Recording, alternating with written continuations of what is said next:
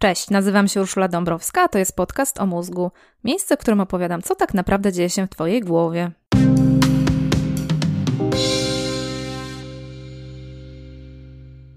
Na co dzień robisz to, co robisz, myślisz tak, jak myślisz i czujesz, co czujesz.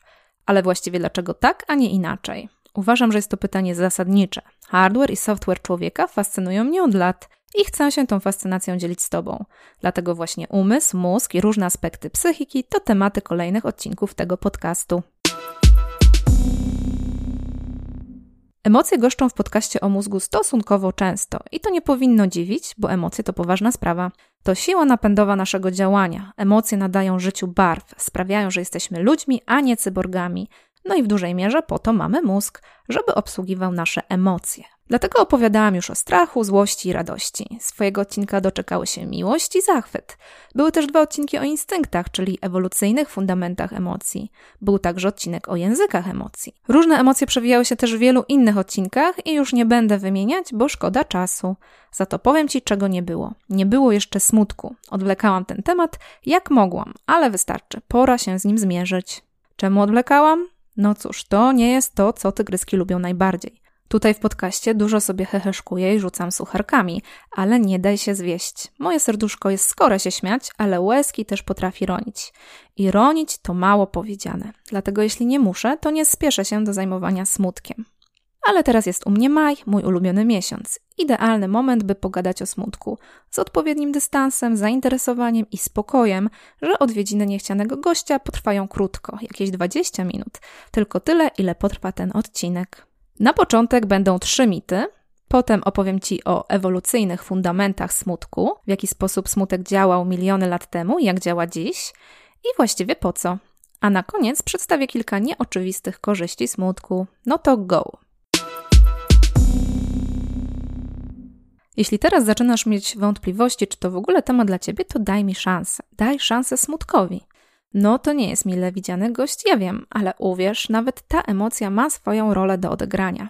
Pojawienie się smutku ma sens i warto wiedzieć, jak ten sens wydobyć, zauważyć wykorzystać. I co robić, żeby smutek sprawnie zrobił swoje i poszedł sobie tak szybko, jak się da. Dlatego zaczynamy od mitów, żeby rozjaśnić trochę ten temat. Mit pierwszy. Smutek równa się depresja. No nie. Myślę, że słuchaczom podcastu o mózgu nie trzeba takich oczywistości tłumaczyć, ale dla porządku przypominam: smutek to emocja, a depresja to choroba. Jasne, czasem w luźnej rozmowie te pojęcia można sobie tasować, ale gdy rozmawiamy na poważnie, to na poważnie rozróżniajmy. Smutek jest w tej kategorii co złość, zaskoczenie, strach czy radość, a depresja to jednostka chorobowa, jak gruźlica albo grypa. Na pierwszy rzut oka osoba smutna przypomina osobę z depresją. Co więcej, osoba z depresją może być smutna, ale zwykle przeżywa też dużo innych emocji, takich jak lęk, poczucie winy, poczucie bezsensu. Do tego dochodzą inne niesympatyczne symptomy: brak energii, brak motywacji, spowolnienie psychoruchowe, problemy ze snem, obniżony lub podwyższony apetyt, a czasem też myśli samobójcze, czyli zdecydowanie dużo więcej niż smutek. No to chyba jasne, nie ma co dalej w to wchodzić. Smutek to nie depresja i dziś nie będę mówić o depresji. Tematem jest emocja, a nie choroba. Żeby być całkiem w porządku, dodam tylko, że życie to nie matematyka. I tak zdarza się czasem, że smutek przeradza się w depresję. Ale to nie reguła, więc ten pierwszy mit pozostaje mitem. Mit drugi. Smutek to oznaka słabości. Ja to nawet rozumiem, skąd się ten mit bierze. Rzeczywiście, smutek to jedyna emocja, która odbiera siły fizyczne. Więc ma to nawet trochę sensu, ale tylko wtedy, gdy uważamy, że jedyną wartością człowieka jest to, że może tyrać i podnosić ciężary. Świat każe nam tak myśleć, ale nie daj się w to wkręcić. Umiejętność goszczenia smutku, przeżywania go, a potem podnoszenia się i otrzepywania kolan to wielka, wielka siła, żeby nie powiedzieć supermoc. Kto nie zaliczył porządnej gleby, ten mało wie o życiu, więc nie, smutek to nie oznaka słabości. Mit trzeci: smutek przychodzi i zostaje na zawsze. To jest takie nie zawsze uzmysłowione przekonanie, że smutek i łzy to najgorsze, co nas może w życiu spotkać. Wiadomo, chłopaki nie płaczą i te sprawy, ale to nawet coś więcej. Taki ogromny lęk, że jeśli pozwolisz sobie na smutek, to on tobą zawładnie. Czasem to się rozciąga na innych i przestajesz pozwalać smucić się żonie, mężowi, dzieciom i przyjaciołom. Znasz pewnie takie hasła: uśmiechnij się, taka ładna buzia, taka krzywa mina. Ja wiem, że te słowa padają zwykle w dobrej wierze. No ale stoi właśnie za nim takie fałszywe przeświadczenie, że trzeba robić dobrą minę do złej gry za wszelką cenę. Bo jak tylko pojawi się cień smutku, to to cię pochłonie jak czarna dziura. Że jeśli wpuścisz do swojego domu tego niemile widzianego gościa, to zajmie wszystkie pokoje i zamieszka z tobą do końca świata. No nie. Tak emocje nie działają. Równie dobrze można by liczyć, że jak raz poczujesz radość, to ta radość zostanie z tobą do końca życia. Jest tak? No nie jest. Podobnie nie jest ze smutkiem, a jednak tego się boimy. To jednak na szczęście tylko mit. Skoro mity mamy za sobą, to teraz pytanie: jaka jest dla ciebie najsmutniejsza scena w filmie? Zastanów się i napisz mi na maila albo w komentarzu. Ja mam taką scenę, która zawsze łapie mnie za gardło, ściska w brzuchu, a często kończy się łzą wokół. To śmierć Mufasy w Królu Lwie. Moja pamięć mi właśnie ten fragment podpowiada zawsze, gdy myślę o smutku. No to jest majstersztyk. Nie wiem, czy Disney znał się na neuronauce, ale na pewno znał się na tym, jak budzić emocje. I pięknie mi ta scena pasuje do dzisiejszego odcinka, bo to doskonała ilustracja ewolucyjnych źródeł smutku. Wyobraź sobie baby króliczka, baby serenkę albo baby lwa. Taki mały ssak jest całkowicie zależny od swojej mamy. Dlatego w jego mały, malutki mózg jest wbudowany bardzo ważny mechanizm. To mechanizm, który pilnuje, by mama była zawsze obok. Bo tak jest najlepiej. Wiadomo, jedzenie, ciepło, bezpieczeństwo. Więc gdy mama jest blisko, mózg zalewają endogenne opiaty, które dają poczucie przyjemności, radości i dobrostanu. Tak jest dobrze, tak ma być. O tym mechanizmie mówiłam już w odcinku ósmym, Nagie Instynkty, część druga. Odsyłam, a tymczasem wróćmy do tego opiatowego błogostanu. Wszystko pięknie działa, dopóki mama się nie oddali. Jeśli mały ssak traci swoją opiekunkę z zasięgu wzroku, słuchu albo węchu, pojawia się problem, duży problem. Mózg przestaje pompować opiaty i zwierzątko zaczyna odczuwać cierpienie, wewnętrzne cierpienie. My byśmy powiedzieli emocjonalne cierpienie. Pierwszą reakcją na takie doznanie jest sprzeciw. Kto ma lub miał małego ssaka w domu, na pewno to zna. Syrena, płacz i krzyki. Małe ssaki robią dokładnie to samo co bobasy. Używają swojego głosu, by przywołać matkę do siebie. I zwykle to działa. Jeśli nie działa, to niedobrze, bardzo niedobrze, wręcz tragicznie. Samotny mały ssak jest na przegranej pozycji i lepiej, żeby w takiej sytuacji jednak się zamknął. Po pierwsze, nawoływania mogą przyciągnąć uwagę drapieżników, a po drugie, krzyki to spory wydatek energetyczny, marnotrawstwo energii. Dlatego osamotnione ssaki w końcu milkną i przechodzą w stan znieruchomienia. Nie zasypiają, ale nie ruszają się, kulą, zajmują jak najmniej przestrzeni, chowają w norce albo przycupują tam, gdzie są. Uwierz, to najmądrzejsze, co mogą zrobić. Po czasem matka jednak w końcu wraca. Simba z Króla Lwa nie miał takiego szczęścia. Mufasa zmarł i Simba został zupełnie sam. Ale to bajka, więc analogie sprawdzają się tylko do pewnego momentu. W świecie zwierząt smutek baby ssaka daje mu szansę na przeżycie. Ten mechanizm matka natura wymyśliła nie bez powodu. I to jest właśnie to. To jest smutek, a właściwie prasmutek. Jak pewnie wiesz, natura rzadko wymyśla coś z niczego. Częściej bierze to, co ma i to rozwija. I tak jest między innymi z ludzkim smutkiem. Okazuje się, że to nasze nieprzyjemne uczucie bierze się z instynktu samozachowawczego małych ssaków. Strata matki przez małego ssaka to matryca wszystkich innych strat w życiu człowieka, a mechanizm działania po takiej stracie to matryca dla naszego ludzkiego smutku i tego, jak go przeżywamy. U człowieka smutek może pojawiać się w najróżniejszych sytuacjach. Odejście bliskiej osoby to taki konkret, z którym nikt nie dyskutuje. Żałoba to smutek kulturowo przyjęty i usankcjonowany zwyczajem. Ale śmierć to nie jedyna strata, jakiej doświadczamy. Być może największa, nieodwołalna, ale nie jedyna. I teraz właśnie padło słowo klucz. To słowo to strata. Chcę, żebyś z tego odcinka zapamiętała, zapamiętał właśnie to. Smutek pojawia się wtedy, gdy pojawia się strata. Może być ogromna, może być mała. Może być fizyczna albo całkiem abstrakcyjna. Możemy stracić coś, co faktycznie już było częścią naszego życia, ale niekiedy tracimy też coś, na co tylko czekaliśmy, czego się spodziewaliśmy w przyszłości. Tracimy młodość i zdrowie, i tracimy marzenia i złudzenia. Wszystkie te straty zapraszają naszego niechcianego gościa, czy się z tym zgadzamy, czy nie. Dlatego mniejszy lub większy smutek może pojawić się w najróżniejszych okolicznościach. Uwaga, teraz będzie wymienianka. Smutek może się pojawić, gdy masz 5 lat i zgubisz ukochanego misia pluszaka. Masz 10 lat, a kolega z ławki już nie chce więcej grać z tobą w FIFA po szkole. Masz 15 lat i dostajesz kosza od najładniejszej dziewczyny w klasie. Masz 20 lat i nie dostajesz się na studia, o których marzyłaś przez całe liceum. Masz 30 lat, a szef uwala projekt, w który włożyłeś pół roku pracy, energii i zaangażowania. Masz 35 lat, a twój mąż wyjeżdża na miesiąc w delegację. Masz 40 lat i trafia do ciebie, że twoje życie nie wygląda jak reklama margaryny czy pasty do zębów, choć na to nieświadomie liczyłeś. Masz 45 lat, a twoje dziecko wyjeżdża na studia do innego miasta. Masz 50 lat i okazuje się, że nie dajesz już rady wejść na Orlą Perć jak jeszcze kilka sezonów wcześniej. Masz 65 lat i zamykasz firmę, którą budowałeś przez całe życie. Masz 70 lat i orientujesz się, że wszystkie te plany, które odkładałeś na później, już się nie zrealizują. To są wszystko sytuacje, w których smutek ma prawo się pojawić i zwykle się pojawia. Czy pozwalamy mu dojść do głosu, czy nie? Często wiemy, że boli, ale nazywamy to jakoś tak, żeby uniknąć słowa smutek. Mówimy zawód miłosny, złamane serce, kryzys wieku średniego, syndrom pustego gniazda, wejście w smugę cienia itd. Tak Faktycznie w tych sytuacjach mogą się pojawić też inne emocje, jak lęk, bezsilność czy złość. Ale gdy jest strata, to praktycznie zawsze odwiedza nas niemile widziany gość, czyli smutek.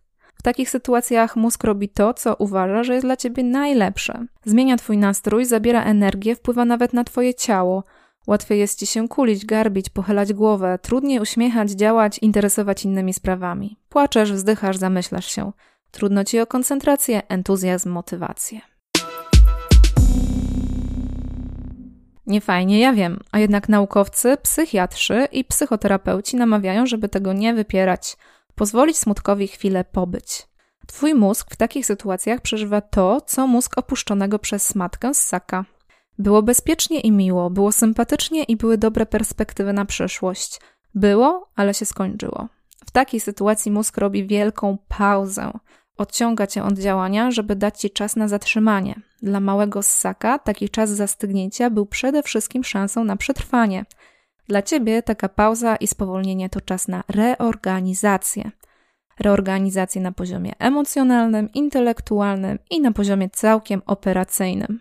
Bo strata to dla człowieka ogromna zmiana, a każda zmiana, szczególnie ta duża, wymaga wdrożenia nowych działań, nowych algorytmów postępowania, nowych skojarzeń, nowych planów. Spójrz, jak wielkie obciążenie poznawcze niesie ze sobą strata. Poważna sprawa, a smutek to emocjonalna odpowiedź organizmu, która ma dać przestrzeń i czas na zajęcie się tą poważną sprawą i adaptację do nowej rzeczywistości. Do rzeczywistości po stracie. Smutek, czyli nasz niechciany gość, przychodzi i mówi mniej więcej coś takiego. Hej człowieniu, coś straciłeś, było, a nie ma i nie będzie, i ja tu jestem, żeby cię zatrzymać, skierować ku autorefleksji i reorganizacji. Będę tu z tobą tak długo, aż się nie odnajdziesz w nowej rzeczywistości. Możesz wierzgać i się przede mną barykadować, ale będę namolny. Tak długo, aż wspólnie nie opracujemy nowego podejścia do życia. Ładnie to wszystko brzmi i być może kogoś już przekonałam, żeby nie unikać smutku za wszelką cenę. Ale w praktyce to cholernie trudne. Gdy pojawia się smutek, chcemy zrobić wszystko, żeby jak najszybciej sobie poszedł. Albo w ogóle udajemy, że go nie ma. Zagłuszamy używkami albo aktywizmem. Zaciskamy szczęki, bierzemy się w garść. Jasne, nie chcemy, żeby bolało. Gdy boli nas głowa, szybko sięgamy po przeciwbólowy. Gdy boli nas dusza, też chcemy ten ból znieczulić. I czasem potrafimy tak robić latami, ale życie i gabinety terapeutów pokazują, że to kiepska strategia. Takie wypieranie smutku sprawia, że on się tylko kumuluje, kumuluje i kumuluje, jak woda przed tamą. Czasem jednak ta tama puszcza i wtedy wydarza się to, czego obawialiśmy się od samego początku. Smutek nas zalewa, wręcz podtapia. Mówiąc mniej metaforycznie, po latach tłumienia smutku może przyjść rozpacz, depresja, głęboki kryzys egzystencjalny. Chyba nie muszę tłumaczyć, że tego nie chcemy, że to jest dużo większy problem niż smutek sam w sobie. W takim razie, jak to robić, żeby było ok? Jak się nie znieczulać? Jak witać smutek może bez entuzjazmu, ale chociaż z akceptacją? Jak go ugościć, podać herbatkę, wysłuchać i puścić wolno? Tu pomaga już wiedza bardziej psychologiczna niż neuronaukowa. Nie znam się, ale się wypowiem. A co? Oto cztery aspekty dobrego przeżywania smutku. Po pierwsze, rozpoznanie o co kamon. Ja ci powiem, że to nie jest taka prosta sprawa. Czasem coś uwiera, jakieś łezki cisną się do oczu, a nie do końca wiadomo o co chodzi. Tym bardziej, że człowiek to nie mały ssak. Zdarza się, że opłakuje sprawy zupełnie abstrakcyjne, dużo bardziej symboliczne niż zgubiony pluszak czy złamane serce. Czasem smutno z powodu niezrealizowanej ambicji, utraconego czasu. Czasem smutno, bo coś było, a się skończyło, a czasem smutno, bo czegoś nie ma, a przecież mogłoby być. Jeśli nazwiesz, o co ci tak naprawdę chodzi, twój smutek od razu zrobi się znośniejszy i mniej namolny. Po drugie, daj sobie czas. Gdy przychodzi smutek, pozwól sobie z nim chwilę pobyć. Czasem wystarczą trzy minuty, czasem trzeba płakać kilka godzin. Ale przypomnij sobie mit trzeci. Smutek nie jest czarną dziurą. Zwykle jest właśnie tak, że im dłużej mu się opierasz, tym dłużej cię nęka. Chciałabym cię zapewnić, że wystarczy dzień, tydzień albo miesiąc i że dłużej nie będzie bolało. Ale tego niestety nie mogę zrobić. Im bardziej wrośnięta w twoje życie i szlaki nerwowe była sprawa, którą opłakujesz, tym dłużej będziesz się reorganizować. Ale skoro to i tak się musi wydarzyć, to nie opieraj się, to nie ma sensu. Po trzecie, bądź dla siebie dobry, dobra. Bądź wyrozumiała, wyrozumiały. Jeśli się smucisz, to nie wymagaj od siebie 100% wydajności w sprawach zawodowych czy domowych. W ogóle nigdy nie wymagaj od siebie 100%, bo to niezbyt zdrowe. Ale w czasie, gdy jesteś smutny, smutna, to już forma autoagresji i przepis na kolejne problemy. Pozwól sobie na łagodność, pozwól sobie zwolnić, weź psa na spacer, zrób sobie ciepłą kąpiel, gorącą herbatę. Zadbaj o sen, zatroszcz się o siebie, tak jakbyś zatroszczył się, zatroszczyła o najbliższego przyjaciela. Po czwarte, poszukaj bezpiecznej relacji, drugiego człowieka, z którym możesz podzielić się swoim bólem. Smutek to emocja, która ma budować więzi. Widać ją wyraźnie w ciele i na twarzy. Nie bez powodu objawia się przez płacz. Natura chciała i nadal chce, żeby był widoczny, żeby ludzie dookoła zajęli się osobą, która cierpi, żeby ją przytulili, wysłuchali, zrobili kakao. Nie trzeba dużo. Wystarczy akceptująca obecność. Dlatego jeśli jest ci smutno, to nie izoluj się. Poszukaj ramienia, na którym możesz się wypłakać. Emocje rządzą się totalnie niezrozumiałą arytmetyką. Dzielona radość z drugą osobą się mnoży, a dzielony smutek maleje. Na koniec coś optymistycznego, pozytywy. Chcę Ci pokazać cztery nagrody pocieszenia, które daje nam smutek, gdy go przyjmiemy, ugościmy i pozwolimy robić swoje. Pierwsza nagroda to empatia. Jeśli umiesz przeżywać swój smutek, rozumiesz skąd się bierze i jaką ma rolę do odegrania, to stajesz się po prostu bardziej wrażliwym, mądrzejszym człowiekiem. Dużo lepiej rozumiesz siebie, a przez to lepiej rozumiesz innych ludzi. Ich reakcje na problemy stają się dla ciebie dużo bardziej przejrzyste.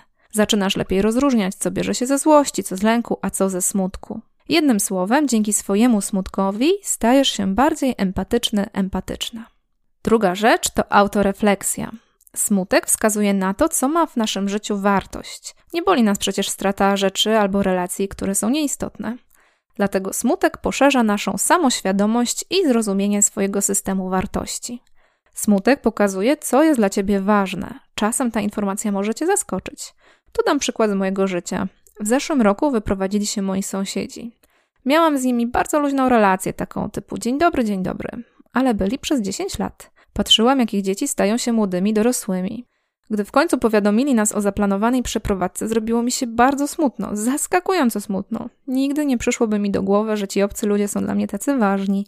A jednak okazuje się, że mój mózg przez te 10 lat porządnie się do nich przywiązał i przez smutek pokazał mi, jak bardzo ważne są dla mnie stałe, serdeczne relacje sąsiedzkie.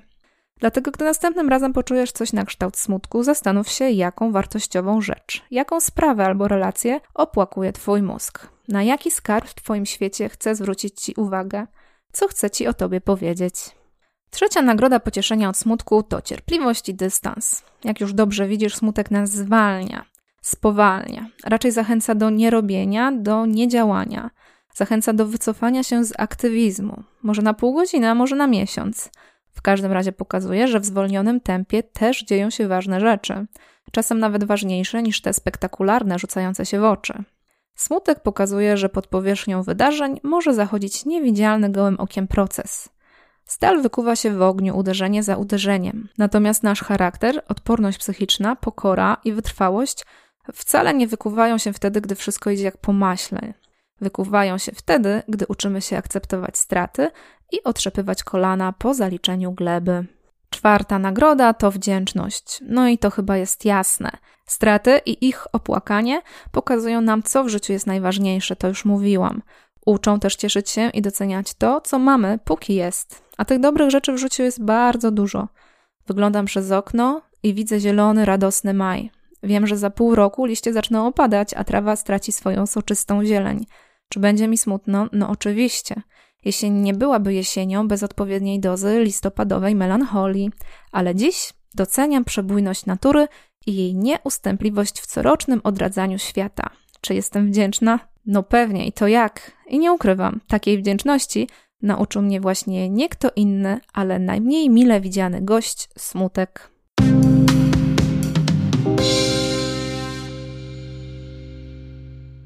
To tyle na dziś. Więcej podobnych treści znajdziesz na stronie www.urszuladabrowska.pl. Jestem też na Facebooku i YouTubie. A teraz mała prośba. Jeśli możesz, to wesprzyj moją działalność.